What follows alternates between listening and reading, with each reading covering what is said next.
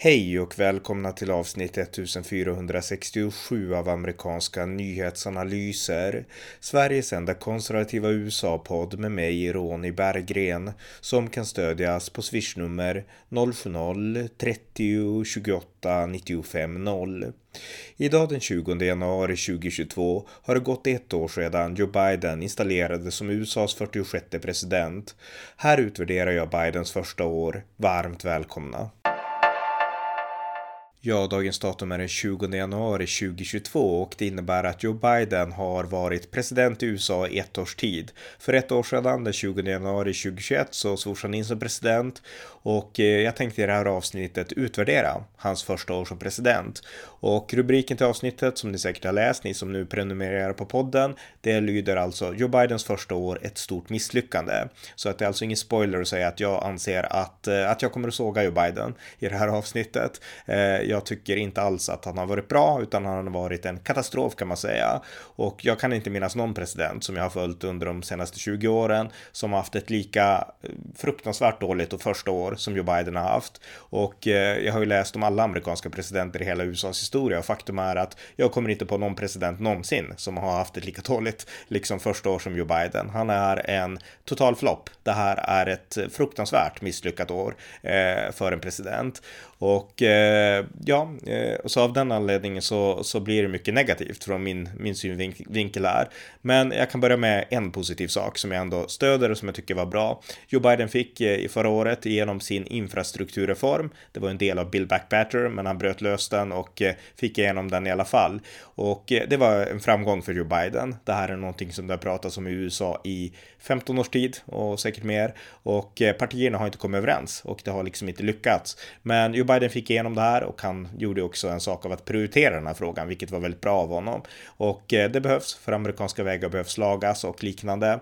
Så att det är en av Joe Bidens framgångar, hans enda skulle jag säga då. Sen finns det säkert små saker också där jag kan tycka att det var bra. Det var bra i små detaljbeslut, men av de här större sakerna så, så, så är det det enda jag kan komma på. Så att eh, med det sagt så kan vi ge oss i kast med hans misslyckanden och de är väldigt många. Och eh, jag har rubricerat de här misslyckandena inom lite olika kategorier, inrikespolitiskt, utrikespolitiskt, men också eh, ideologiska misslyckanden och eh, eh, liksom partipolitiska misslyckanden. Och här här är jag ju subjektivt därför att vissa saker som jag anser att han har misslyckats med kanske inte hans bas anser är ett misslyckande, utan det beror på hur man ser på USA, idén om USA.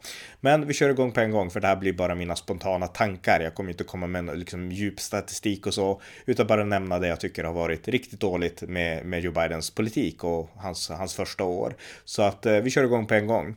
Och eh, det första som jag skulle beteckna som ett ideologiskt misslyckande av Joe Biden, det är att han har drivit identitetspolitik. Joe Biden har alltså tillsatt många eh, ministrar och många ämbetsmän utifrån deras identitet könsidentitet, sexuell identitet, ras. Och eh, han har gjort det helt enkelt därför att eh, i primärvalet eh, 2020 så fanns det de här grupperna som ville att han skulle välja de här eh, liksom identitetsgrupperna och välja utifrån identitet snarare än utifrån merit. Det bästa exemplet i hans kabinett är Kamala Harris, vicepresidenten.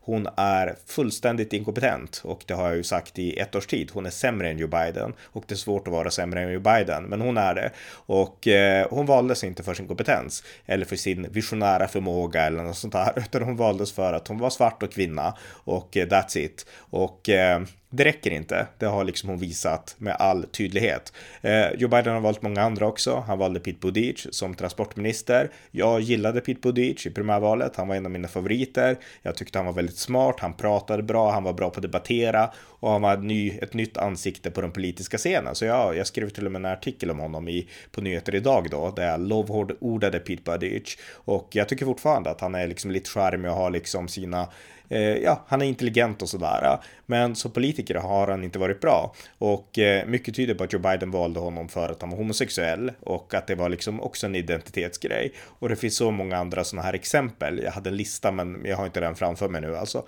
Men det finns så många andra exempel på när Joe Biden har nominerat eller valt ut människor utifrån identitet. Och de strömningarna går ju just nu i det eh, demokratiska partiet. De finns där att man vill att man ska välja liksom, eh, ja, en kvinna, homosexuell, muslim, alltså minoriteter, de ska synas och få utrymme. Och eh, Joe Biden har hörsammat det. Och det är ju en drastisk brytning med när han själv pratade på 70-talet om eh, racial jungle och liknande. Så att han har vänt väldigt mycket i de här frågorna och eh, han är i det här avseendet så är han ju inte heller moderat utan han har gått väldigt långt i det här liksom kvotering, identitetskvoteringen och jag tycker att det är en katastrof för det går emot de här den här meritokratin som USA ändå är byggt på i grund och botten.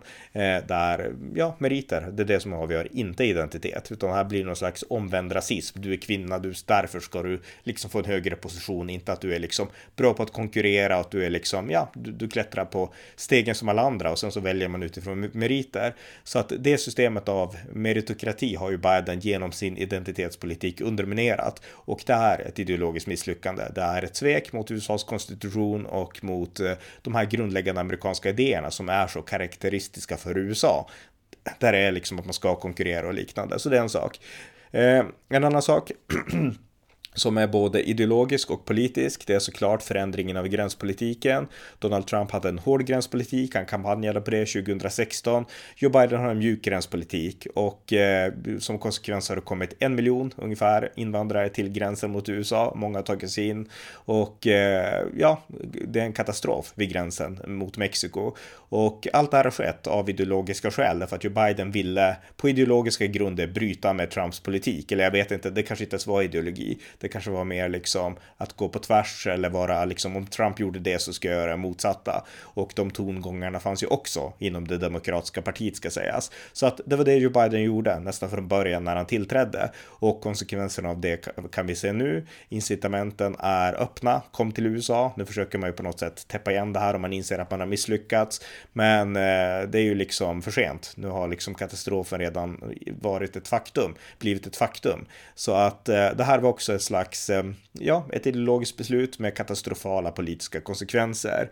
Eh, ett annat beslut som också var väldigt, eh, ja, det var också ideologiskt. Det var att man stoppade Keystone Pipeline som alltså skulle förmedla olja från Kanada till Mexikanska golfen och, och sådär för att det sen skulle kunna levereras och säljas. Och eh, Joe Biden satte stopp och det här är ju någonting som det har spelats pingpong med under Obama-administrationen. Sen så då var det negativt, sen positivt under Trump och sen negativt igen under Biden. Och det här är inte bra därför att USA måste kunna försörja sig energimässigt. Eh, de här förnyelsebara energikällorna, de räcker inte, utan USA behöver olja och det stora amerikanska miraklet under 2000-talet, det är att USA blev. Eh, jag tror att det skedde, det började under Bush, det var han som initierade allt det här, att nu måste vi prioritera en ny energipolitik för att bli oberoende från Mellanöstern. Sen tror jag att det realiserades under Donald Trump när USA blev helt oberoende, liksom energioberoende och det är mycket tack vare fracking och allt det här som de gröna och miljörörelsen inom Bidens läger är emot. Men de teknikerna och eh, den här nya energipolicyn från republikanerna främst har gjort att USA har blivit energioberoende. Så att det innebär att man kan ha en mycket starkare ställning på världsarenan. Man behöver inte liksom eh, liksom gå i ledband till de här eh, gulfstaterna som oftast inte är så jättedemokratiska. Man behöver inte rädas Ryssland, att Ryssland ska liksom bli den ledande aktören på energimarknaden, utan det är USA som är den dominanta aktören och det här är oerhört positivt ur säkerhetspolitiska aspekter och ur alla aspekter.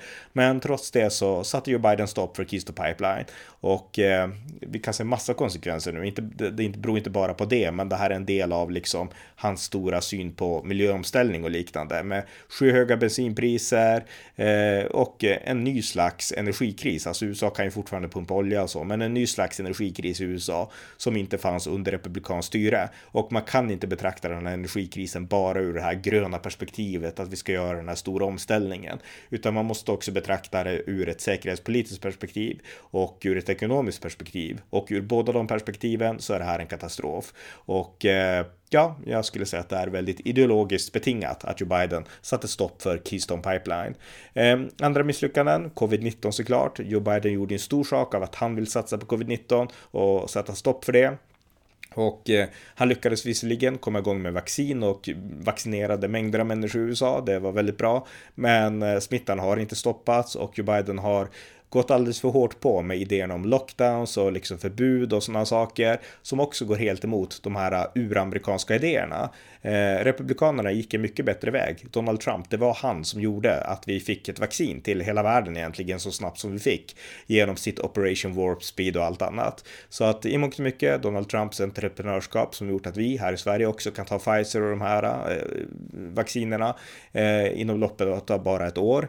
Eh, och eh, Donald Trump agerade liksom effektivt och praktiskt medan Joe Biden agerar trögt och när han försöker göra praktiska saker så då blir det fel. Då är det lockdowns och det är förbud och det är det ena och det andra. Liksom. Det är inte de här praktiska konkreta sakerna som amerikaner vill se och som också synkar med den amerikanska konstitutionen utan istället är det tvång och lockdowns och liknande saker. Och där, ja, det är såklart ett humanitärt misslyckande men det är också ett ideologiskt misslyckande. Joe Biden har inte lyckats hitta den här balansen balansen mellan de här uramerikanska värderingarna och frihet och liksom vikten av att stoppa pandemin. Eh, han har inte alls lyckats med det. Så att det är också ett problem. Vi har hela logistikproblematiken eh, med liksom varor som eh, Eh, ja, fastnar i hamnarna i Kalifornien. Det här är inte helt och hållet Joe Bidens fel, men han har inte lyckats lösa det här effektivt. Han har inte det här eh, affärsmannamässiga tänkandet. Hur ska vi lösa problemen snabbt och komma igång liksom? Utan han tänker ideologiskt på nästan allt och han har en, han driver en byråkrati snarare än en effektiv liksom exekutiv regering skulle man kunna säga då. Så att det är ett annat problem. Inflationen, den är rekordhög. Det har inte varit så hög inflation i USA sen tror jag eh, Jimmy Carters dagar. Det var ju viss hög inflation under början av Reagans år där också då. Men, men det tog av, avstamp hos Jimmy Carter där. Och eh, det är också en katastrof och det här är en konsekvens av massa olika små beslut som Joe Biden har fattat. Det Allt ifrån skattepolitik till eh, ja, massa olika andra saker då. Bensinpriserna har skjutit höjden, det har ju med energin att göra då. Och eh, allt det här är konsekvenser av Joe Bidens beslut.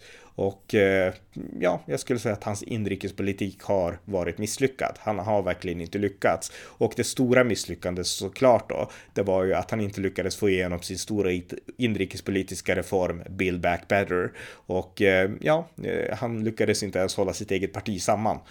Så att det, det är en svag president, Joe Biden, och han har inget att liksom, han har ingen fjäder att sätta i hatten så här ett år senare inrikespolitiskt, utan han har misslyckats och opinionssiffrorna visar det också också. Han har väldigt låga opinionssiffror och eh, allmänheten är inte nöjd med Joe Biden och det gäller också väldigt många demokrater. Eh, om vi då går över till utrikespolitiken som också har varit katastrofal från Joe Bidens sida. Eh, man kan säga mycket om Trump. 2020 då under valkampanjen så satt jag i tv väldigt mycket och då fick jag ofta frågan vad jag tyckte var bra med Trump. Och jag sa ganska ofta att jag tycker en bra sak, sak som är bra med Trump, det är att han håller världen stabil. Många varnade 2016 för att Trump kommer att bryta ner Pax Americana. Jag trodde inte på det, men eh, jag kunde inte veta det heller då, liksom, för Trump var ändå en ny karaktär. Men jag, jag trodde inte det utifrån mina bedömningar.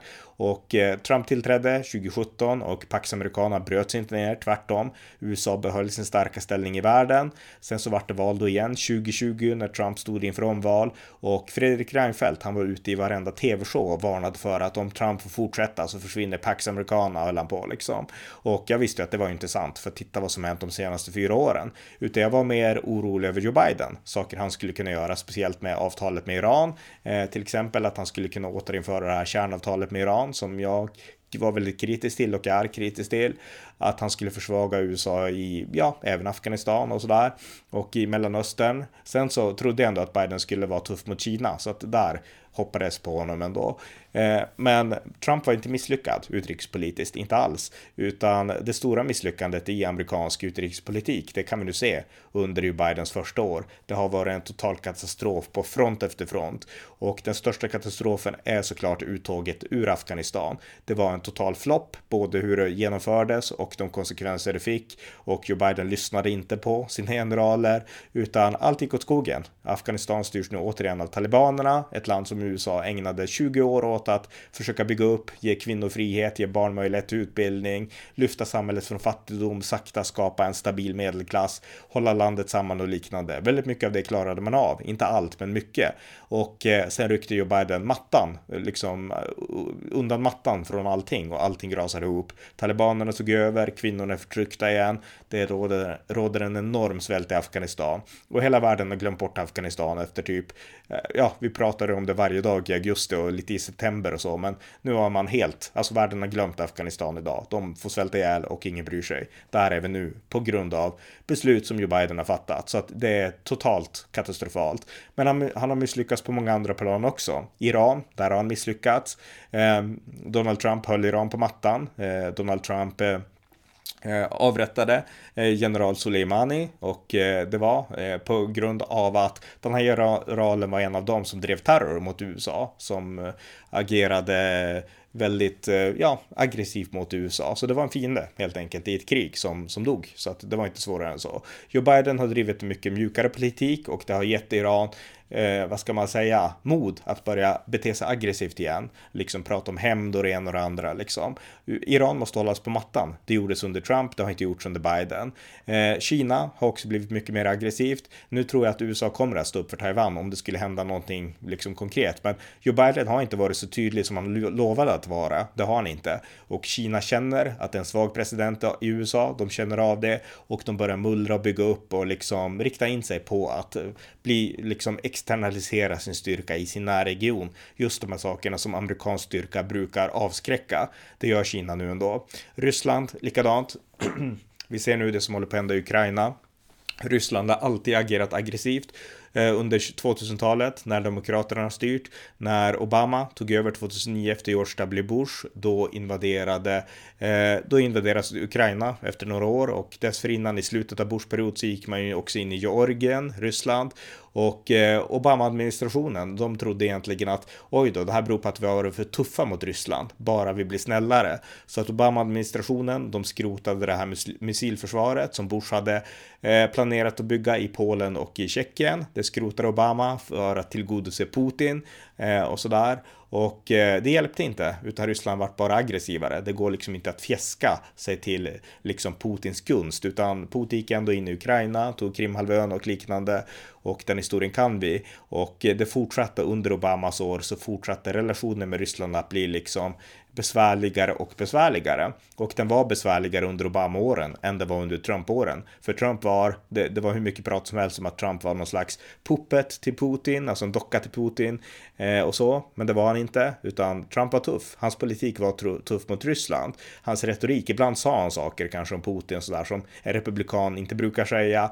Men hans politik var tuff, mycket tuffare än Demokraternas. Och det är det som all media har glömt bort idag. Jag menar, kom ihåg presidentvalet 2012 när Mitt Romney varnade för att Ryssland, republikanernas kandidat alltså, var det stora geopolitiska hotet för USA. Och Barack Obama sa, hallå, tror du att du lever på 80-talet liksom? Det här är inte kalla kriget. Eh, så att eh, Demokraterna har inte tagit Ryssland på allvar under de här 20 åren. De har aldrig gjort det. De, det parti som har gjort det, även under Trump, eh, det är Republikanerna. Och eh, det måste man komma ihåg. Och det som nu sker, upptrappningen vid Ukraina och Rysslands aggressivitet, det är också en konsekvens av att Joe Biden är svag.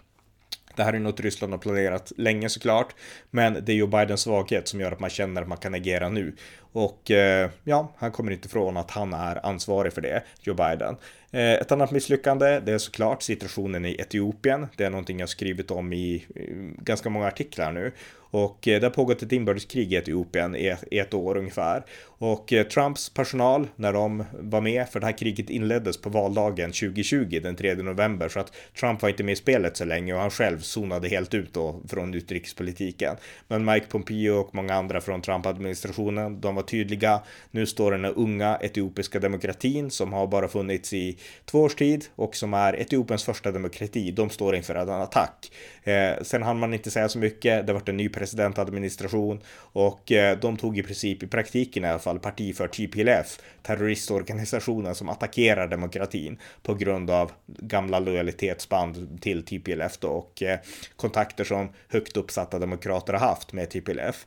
Så att eh, det var också ett totalt misslyckande och Afrikapolitiken under Bidens presidentskap har varit misslyckad och ja, vad ska man säga? Biden har varit en misslyckad president. Det är väl det jag försöker säga genom den här podden genomgående. Så att eh, där har ni några exempel. Jag har liksom inte skrivit ner någonting utan jag pratar från huvudet nu och drar min lilla egna lista så här. Men Biden har varit en misslyckad president. Han kan inte komma ifrån det. Och eh, jag tycker att det är farligt och allvarligt när världen gör som världen gör, västra Europa i synnerhet och kanske absolut i synnerhet Sverige, där man så fort en republikan sitter som president svartmålar den. Så var det med Trump, så var det med George W. Bush och så fort det kommer fram någon slags demokrat, då börjar man skönmåla den och projicera alla sina förhoppningar på den presidenten. Det gjordes med Barack Obama 2008 och det har också gjorts med Joe Biden, även om man då har insett att han är gammal och kanske inte är liksom världens bästa, men bättre än Trump och bättre än Republikanerna. Han kan ändå göra världen grön på något sätt. Har man liksom eh, retoriken från svenskt håll har varit så simpel och eh, utvärderar vi ju Biden så kan vi se att det är farligt att tänka så därför att det leder till eh, oerhört farliga konsekvenser om man inte har presidenter som är kompetenta och förstår de här stora sakerna som har med USA att göra. Och Joe Biden gör inte det. Han borde göra det, men han gör det inte, utan han, han är liksom fokuserad på grön, grön liksom omställning. Han är fokuserad på små frågor, identitetspolitik, inte de här stora frågorna, säkerhetspolitik, USAs roll i världen, USAs roll i historien, USA som den skinande kullen av frihetsideal som andra länder helt enkelt inte har. Det har Biden glömt bort. Han har glömt bort det som är unikt med USA och eh, konsekvensen av liksom den glömskan. Det kan vi se i världen idag. Vi har ingen stor, stor makt som står upp för tydliga principer för demokrati, tydliga liksom principer för mänskliga rättigheter på rätt sätt, utan USA är förvirrat trots att de här värderingarna finns i grunden så har man ett förvirrat ledarskap och det märks i världspolitiken. Så att ett förvirrat och misslyckat första år som president, så kan jag sammanfatta saken.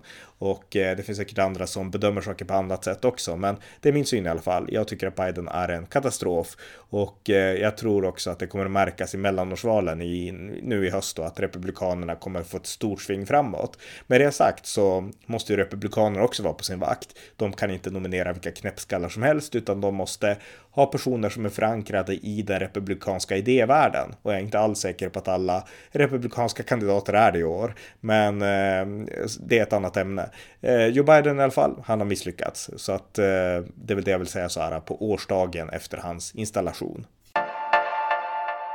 Det var avsnitt 1467 av amerikanska nyhetsanalyser. En podcast där amerikansk politik kommenteras ur ett konservativt perspektiv. Stöd gärna podden på swishnummer 070-30 28 95 0 eller via hemsidan på Paypal, Patreon eller bankkonto. Det var allt för idag. Tack för att ni har lyssnat.